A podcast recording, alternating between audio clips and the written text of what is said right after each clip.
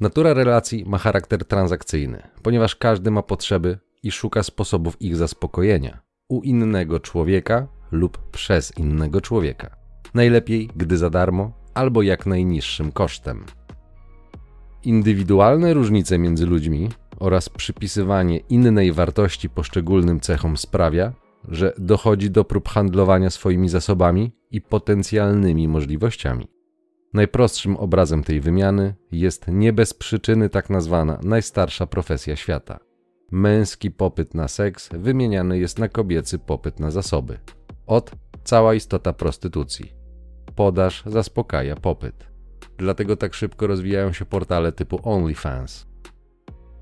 Potrzeby, które opisuje Maslow, można podzielić w inny sposób, na inne kategorie, na przykład biologiczne, psychologiczne, emocjonalne, społeczne. To tylko kwestia podejścia do tematu od innej strony. Sedno natomiast pozostaje takie samo. Ludzie mają potrzeby i próbują zaspokoić je przy pomocy innych. Nie ma problemu, jeżeli oboje partnerzy są świadomi, że taka wymiana w ogóle następuje. Jako mężczyzna, gdy będziesz tego świadomym, trudniej będzie cię nabrać, ponieważ łatwiej będzie ci wycenić Twoją wartość i swój wkład do relacji, a co za tym idzie, otrzymać sprawiedliwą równowartość w zaspokojaniu Twoich potrzeb. Ale to, jak już pewnie kojarzysz, nie jest w interesie pań. Relacje, a w zasadzie małżeństwa, kiedyś były o tyle prostsze, że ze względu na to, że w naszym kręgu kulturowym silniejszy był wpływ tradycji i religii. Instytucja małżeństwa w sposób bardzo prosty rozwiązywała wiele problemów poprzez ograniczenie męskiej, ale i żeńskiej strategii reprodukcyjnej. W wyniku czego obie płcie za pewną cenę otrzymywały korzyści. Małżeństwo to też wymiana, tyle że obecnie bardzo niesprawiedliwa dla mężczyzn. Dlatego jeśli chcesz mieć w miarę stabilny związek, nie ma innego wyjścia jak znać zasady gry. Jeżeli chcesz zrozumieć temat jeszcze głębiej, to potrzebna ci będzie wiedza psychologiczna. Nie jest to żadna magia, historia o energiach, a zwykła psychologia opisana w niektórych przypadkach wiele dziesięcioleci temu. Na czym obecnie polega trudność w budowaniu relacji? Na tym, że ludzie nie znają swoich potrzeb, nie rozumieją motywacji swoich działań, w dodatku chcieliby realizować swoje potrzeby za darmo i bez ponoszenia kosztów oraz wysiłków ze swojej strony. Statystycznie patrząc, prym wiodą tutaj panie ze swoimi nierealistycznymi oczekiwaniami względem życia i partnera, co w długim terminie będzie przyczyną ich zguby i klęski. Rozbuchany solipsyzm, wspierany przez postmodernistyczną narrację, prowadzi do fałszywego poczucia, że kobieta jest lepsza od mężczyzny, a zatem ona nie musi się starać i dbać o związek, ponieważ to jej się wszystko należy. Ściana zweryfikuje to w nieubłagany sposób gdyż często jej głównym oraz nierzadko jedynym atutem jest młodość i atrakcyjność.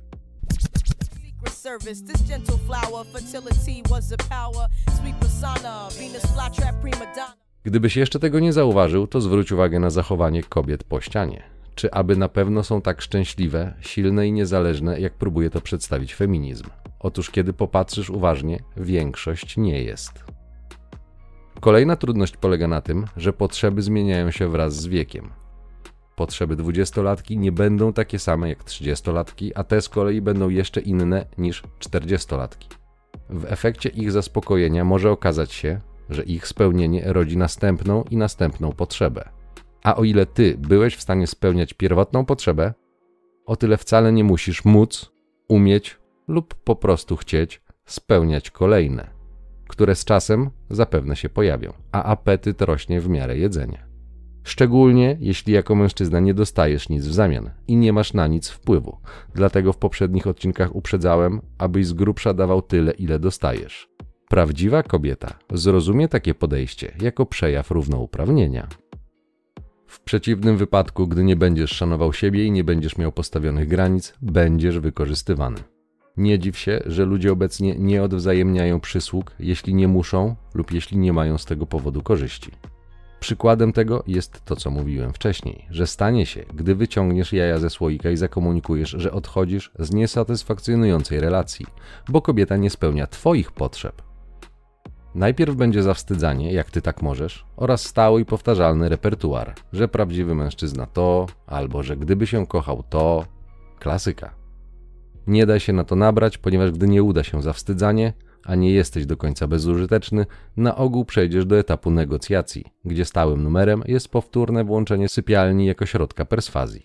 Pamiętaj, że 99% osób, kiedy wypowiada słowo miłość lub kocham, ma tak naprawdę na myśli, że to, o czym się wypowiada lub o kim, spełnia jej potrzebę lub potrzeby. Czy spotkałeś się kiedyś z shit testem, gdy kobieta pyta cię dlaczego albo za co ją kochasz? W istocie zadaje pytanie, jakie twoje potrzeby spełnia. Dzięki temu wie, na czym ci zależy, i jeżeli kiedyś będzie chciała cię ukarać albo coś na tobie wymusić, zacznie wtedy uzależniać spełnianie konkretnej, istotnej dla ciebie potrzeby od twojego zachowania, czyli najczęściej spełnienia jakiejś jej potrzeby. Nie uciekniesz od tej transakcyjnej natury. Kiedyś zrobiłem pewien eksperyment, gdy w fazie badania gruntu, czyli mojego zaangażowania, otrzymałem od dziewczyny pytanie: Do czego mnie potrzebujesz? Odpowiedziałem, że do niczego jej nie potrzebuję. Ja ją wybieram, a to dużo ważniejsze. Zawiesiłem w ten sposób jej system.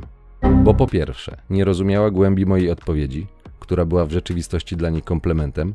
Po drugie, usłyszała, że jej nie potrzebuje, co zinterpretowała, że nie ma nic, co mogłaby mi zabrać, albo dostęp do czego ograniczyć i w ten sposób wpływać na moje zachowanie. Szach i mat. Mówiąc językiem polityki, nie miała na mnie dźwigni. Dlatego pytanie od kobiety, czy ją kochasz, często jest swoistym shit testem, badającym Twoje przywiązanie i Twoją skłonność do inwestycji, czyli spełniania potrzeb. Im bardziej spragniony albo zdesperowany będziesz, tym mniej ona będzie musiała zapłacić lub poświęcić w zamian. Nie pamiętam, gdzie natknąłem się na pewne zdanie, ale jest mocne i obrazuje transakcyjną naturę problemu. Ludzie przed seksem rozbierają się wspólnie, ale już po każde ubiera się samodzielnie.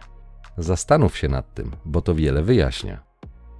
Świat jest oczywiście zmienny i często nie jest w 100% przewidywalny. Brak tej przewidywalności oznacza ewolucyjne ryzyko dla przetrwania, więc ludzie najczęściej lubią stabilność, ponieważ to nie rodzi lęku. Nieświadomi natomiast bardzo często dążą do kontrolowania partnera, dlatego że jeżeli jest pod kontrolą, to jest posłuszny i przewidywalny. Z tego powodu występują wszystkie te gierki i manipulacje, aby zwiększyć swój zysk. Oczekiwanie bez komunikowania jest głupotą, ale z drugiej strony komunikowanie też jest niebezpieczne, ponieważ wiąże się z odrzuceniem. Dlatego ludzie oszukują, aby zwiększyć swoje szanse na sukces w tej grze. Z psychologii wiemy, że ludzie posiadają różne deficyty, czyli właśnie niespełnione potrzeby. Głównie emocjonalne, a co gorsza są one ukryte w podświadomej części umysłu. Wie o tym każdy dobry psycholog lub hipnoterapeuta, gdyż w czasie regresji prawie zawsze okazuje się, że przyczyną problemu było zupełnie coś innego niż to, co na świadomym poziomie wskazywał człowiek, który przyszedł po pomoc. Teraz wchodząc jeszcze głębiej. W kontekście związkowym ludzie bardzo często powtarzają schematy, których najczęściej nieświadomie nauczyli się na którymś etapie życia, zazwyczaj w domu rodzinnym lub dzieciństwie. W takim przypadku bez pracy nad sobą będą oni z niewielkimi modyfikacjami powtarzali wyuczony schemat. Można to zmienić, ale wymaga to wysiłku i właśnie pracy nad sobą, która jest nieprzyjemna, ponieważ trzeba się skonfrontować, jak mówił Jung, ze swoimi cieniami. A to jest najgorsza część. Dlatego przez ludzi tak niechętnie podejmowana.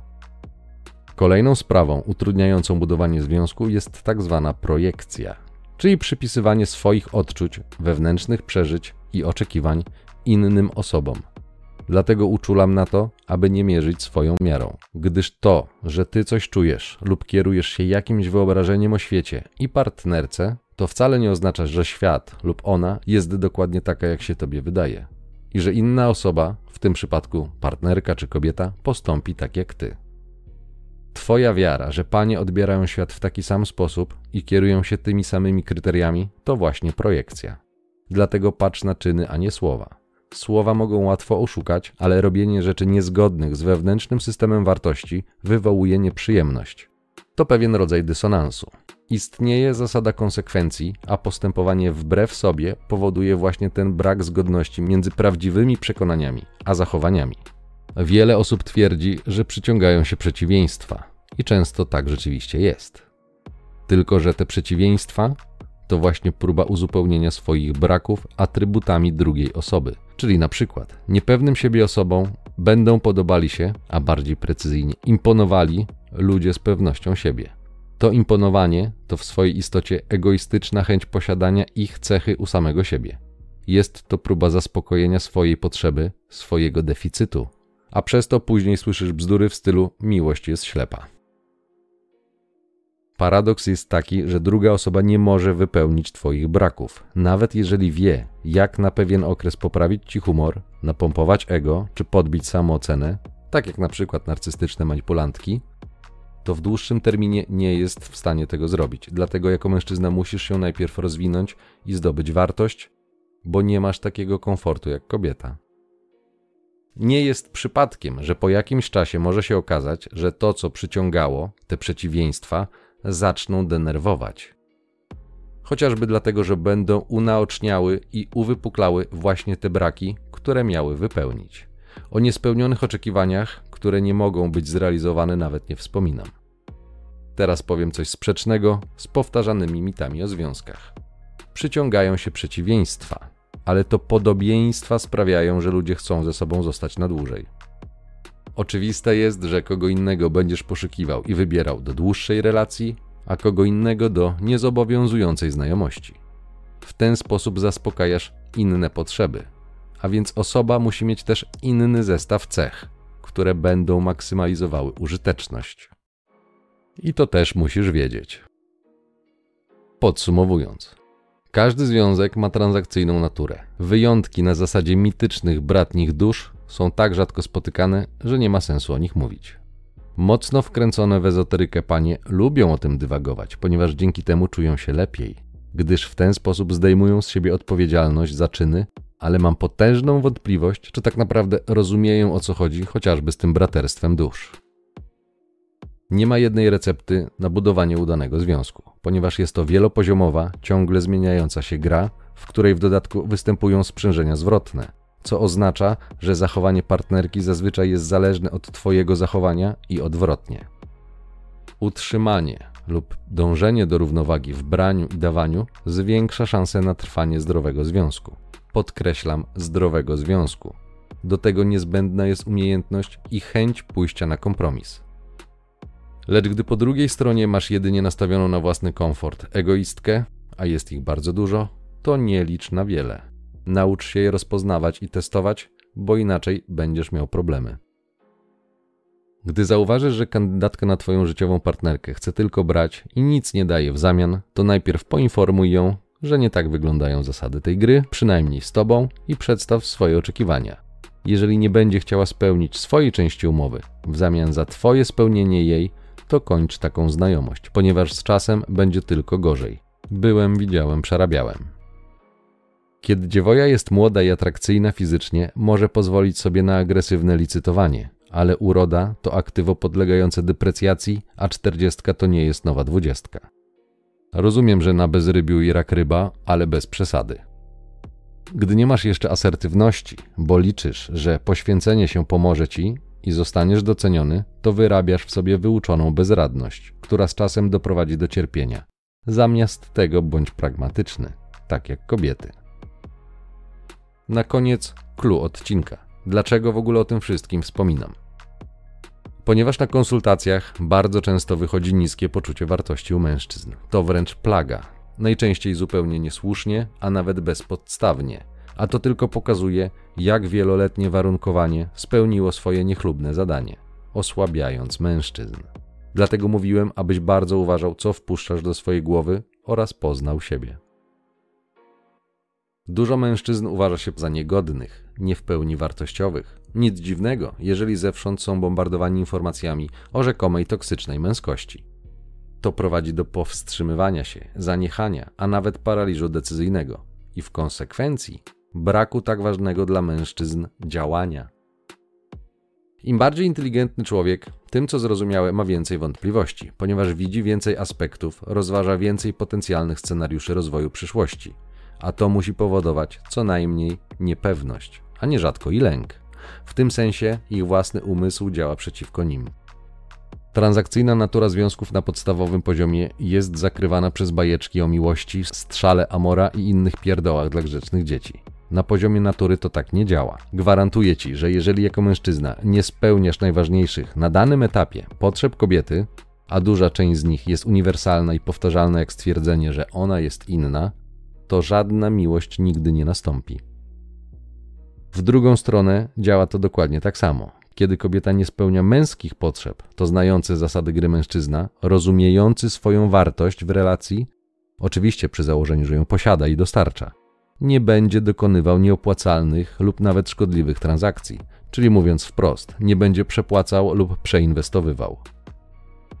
Możliwe są relacje do pewnego stopnia wymykające się takiej transakcyjnej wymianie, ale potrzeba do nich bardzo świadomych i rozwiniętych osób, co jest na ten moment tak rzadkie, że nie będę się w to teraz zagłębiał, gdyż moim zdaniem to jakiś marginalny promil przypadków. Wracając do odcinka i do piramidy. Na tych poziomach bezwzględnie działa hipergamia. Im szybciej to zrozumiesz i zaakceptujesz, tym lepiej dla ciebie. Oszczędzisz sobie przez to wiele rozczarowań. Owszem, kobiety obecnie pracują i zarabiają pieniądze, więc poprzeczka jest postawiona wyżej niż w poprzednich pokoleniach. Ale też nie tak wcale rzadko zdarza się, że to, co zarabia mąż, jest wspólne, a to, co zarabia żona, jest tylko jej. Taka ciekawostka. Gdzie tu jest równość? Przecież to nic innego jak tak zwana przemoc ekonomiczna, tyle że stosowana wobec mężczyzn. Tutaj już cisza, o tym się nie mówi, to temat tabu. Akcentuje się jedynie sytuację, gdy to kobieta jest pokrzywdzona. Dlaczego praktycznie nie mówi się o odwrotnych przypadkach? Co to za zmowa milczenia? Przecież takie sytuacje również występują i są dla mężczyzn bardzo bolesne i krzywdzące. No ale podwójne standardy to norma w matriarchalnej Polsce. Tak, tak, nie patriarchalnej, a matriarchalnej. Przypomnijmy stereotyp matki Polki, a nawet głęboko zakorzenione Maryjo Królowa Polski. Spójrzmy jeszcze raz na piramidę. Dwa poziomy u podstawy i transfer korzyści w wyniku transakcji to istota hipergami. Mężczyzna dostarcza, kobieta korzysta i konsumuje. W zamian za to, według upadającej umowy społecznej, daje na świat potomstwo. Współczynnik dzietności 1,3-1,4 jasno wskazuje, że stary układ został skutecznie rozmontowany i nie zapewnia prostej zastępowalności pokoleń, a to spowoduje społeczne problemy. Demografia ma znaczenie. Raport Klubu Jagiellońskiego autorstwa Michała Gulczyńskiego, zatytułowany Przemilczane nierówności o problemach mężczyzn w Polsce, na stronie 29 zauważa, cytuję: można pokusić się o stwierdzenie, że polski system emerytalny opiera się na redystrybucji od mężczyzn do kobiet, a bardziej obrazowo można by go określić podatkiem od płci. Wartość oczekiwana uczestnictwa w systemie emerytalnym jest bowiem dla kobiet bliska zeru, podczas gdy mężczyzna o przeciętnych zarobkach może oczekiwać straty niemal 200 tysięcy złotych. I obrazuje to poniższa tabela. Mamy zatem matriarchalny, a nie patriarchalny element wpleciony w państwowy system emerytalny. Gdzie jest to równouprawnienie? Nie słyszałem ani jednego postulatu pań spod znaku błyskawicy i nie tylko, aby wyrównać tą rażącą i krzywdzącą nierówność. Feministki nabierają wtedy wody w usta. Może dlatego, że wiedzą, że wyrównanie jej odbyłoby się ich kosztem. Hipokryzja i podwójne standardy w sytuacji konfliktu interesów są rażące i dlatego musisz wiedzieć, aby nie dać się wdeptać w ziemię. Być może, w co przyznam szczerze wątpię, panie autentycznie nie zdają sobie z tego sprawy, więc trzeba je grzecznie poinformować, co niniejszym czynię, że tą zabawę ktoś finansuje i są to statystycznie rzecz biorąc mężczyźni. W mojej ocenie taki transfer społeczny wypełnia wręcz znamiona przemocy ekonomicznej. Zgodnie z definicją amerykańskiej badaczki Adams, przemoc ekonomiczna to zachowanie mające na celu kontrolę zdolności partnerki lub partnera do nabywania, utrzymywania i korzystania z zasobów ekonomicznych. Zachowania te zagrażają ekonomicznemu bezpieczeństwu i niezależności tych osób i służą podporządkowaniu sobie partnera lub partnerki. W tym przypadku ten proceder ma miejsce na poziomie systemu prawnego państwa. Pewnie dlatego mało kto go zauważa na poziomie jednostki. Skutki przemocy ekonomicznej objawiają się na wielu polach. Pierwszym jest brak niezależności finansowej i własnych środków do dysponowania. Temu stanowi towarzyszą często negatywne konsekwencje psychiczne, takie jak niskie poczucie własnej wartości, a nawet nerwice czy depresja. O przemocy ekonomicznej można mówić wtedy, gdy jej sprawca używa pieniędzy albo innych dóbr materialnych po to, aby uzależnić od siebie finansowo drugą stronę, drugą osobę. Jest to jednocześnie forma zaspokajania przez niego swojej potrzeby sprawowania nad nią kontroli i władzy. Dla słuchaczy lub słuchaczek, które właśnie się oburzyły, informuję, że te zdanie pochodzi ze strony internetowej Centrum Praw Kobiet. Dziwnym trafem doskonale opisuje sytuację dużej części najzgajów w małżeństwie. Może dlatego według statystyk Komendy Głównej Policji w 2022 roku 84% samobójstw popełnili mężczyźni.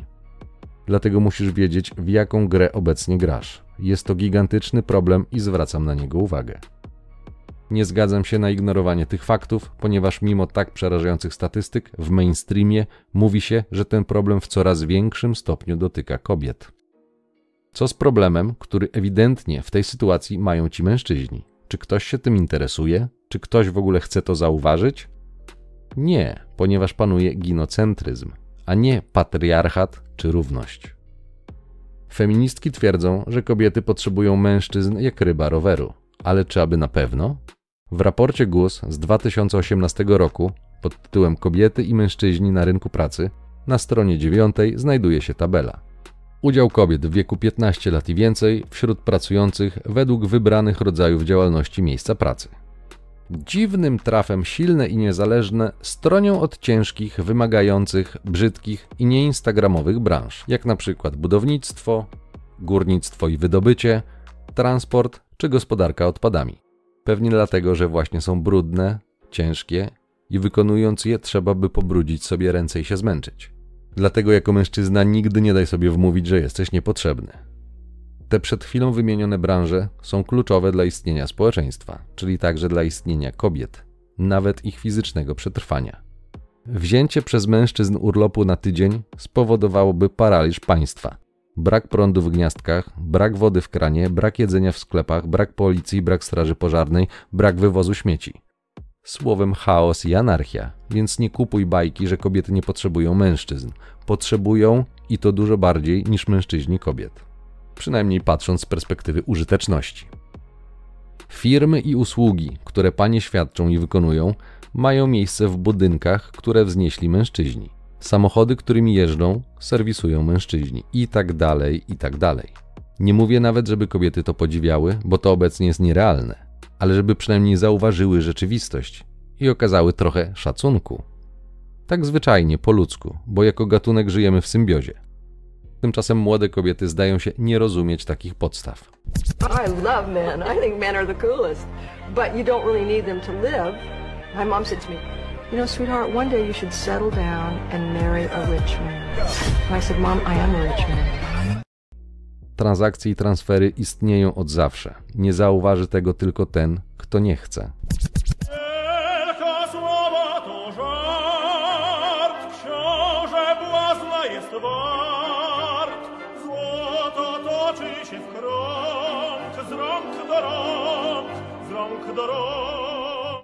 Także panowie nie dajcie sobie wmówić, że jesteście nic nie warci, bo to wierutna bzdura, która później was traumatyzuje. Oczywiście, taki jest cel całej tej operacji, która niestety przynosi zgubne efekty, które niektórzy już rozpoznają i nazywają kryzysem męskości. Nie jest to przypadek, a przemyślany i wdrażany wielopoziomowy plan. W Polsce zjawisko również występuje i w tym tempie za kilka, pięć, może siedem lat. Dlatego odbuduj wiarę w siebie lub zbuduj swoją wartość. Nie przejmuj się tym, że zewsząd będą powtarzane deprecjujące Twoją wartość jako mężczyzny słowa. Dlatego musisz wiedzieć, aby się temu nie dać. Jak zwykle nie mówię, że działanie i budowanie wartości będzie proste. Nie będzie, ale tylko świadome wystawianie się na kontrolowaną nieprzyjemność będzie rozwijało mężczyznę. Nie jesteś kobietą i na pomoc tobie, gdy zaczniesz sobie płakać, nie zleci się stado białych rycerzy to nie ta bajka i nie masz tego przywileju, więc nie masz też dużego wyboru. Możesz znać zasady gry i ich nie używać, gdy tak postanowisz. Jednak doświadczenie uczy, że po prostu musisz wiedzieć, bo lepiej być wojownikiem w ogrodzie niż ogrodnikiem na wojnie. Gloryfikowane są samce alfa, podczas gdy społeczeństwo na betach stoi. I nawet jako taki masz ogromną wartość dla społeczeństwa. z której często sam nie zdajesz sobie sprawy. Chociaż tak jak wspomniałem, niektóre męskie cechy po prostu trzeba w sobie wyrobić, jeśli ich brakuje. Miej świadomość, o co toczy się gra i że to absolutnie nie jest tak, że mężczyźni nie mają wartości. A już na pewno nie jako z grubsza połowa populacji i w dodatku z pracą, jaką wykonują. Zwróć uwagę, że rzekomo silne i niezależne podczas rozwodów nie unoszą się honorem i nie epatują swoją siłą. Nie mówią, wysoki sądzie nie potrzebuje pieniędzy od byłego męża. Sama doskonale zaspokoję potrzeby dziecka. Historia prawdopodobnie nie zna takiego przypadku, więc nawet z tak niewesołej perspektywy mężczyzna i jego finansowy wkład jest potrzebny kobiecie. I nigdy nie było inaczej. A to pokazuje, jaki jest najczęściej kierunek przepływu w transakcyjnym związku. Można bez większej przesady powiedzieć, że to, co obecnie się dzieje na rynku matrymonialnym w wyniku działania marksizmu kulturowego, to jeden wielki shit test. Dokąd można się posunąć bez konsekwencji? Gdzie jest granica? A że jest to proces powolny i przypominający gotowanie żaby, to mało kto zauważa to. O tym, że jest to zbiorowa manipulacja poczuciem wartości i poczuciem winy, chyba już nie muszę wspominać. W skali społecznej to przychodzi dlatego, że mężczyźni odczuwają do kobiet pociąg. Tylko, że wraz z wiekiem atrakcyjność pań spada, inaczej niż mężczyzn, i rzeczywistość wali do bram. Dlatego też młode i jeszcze atrakcyjne matrymonialnie kobiety mogą wybierać w adoratorach i simpach. Ale czasu nie da się oszukać, a na realnym i mierzalnym poziomie transfer jest taki, że przynajmniej póki co to panowie więcej wkładają do związków. Dlatego nie daj się nabrać, że jest inaczej. Niestety, spustoszenie już zostało poczynione, więc przynajmniej miej świadomość, jakie są zasady gry. Ciąg dalszy nastąpi.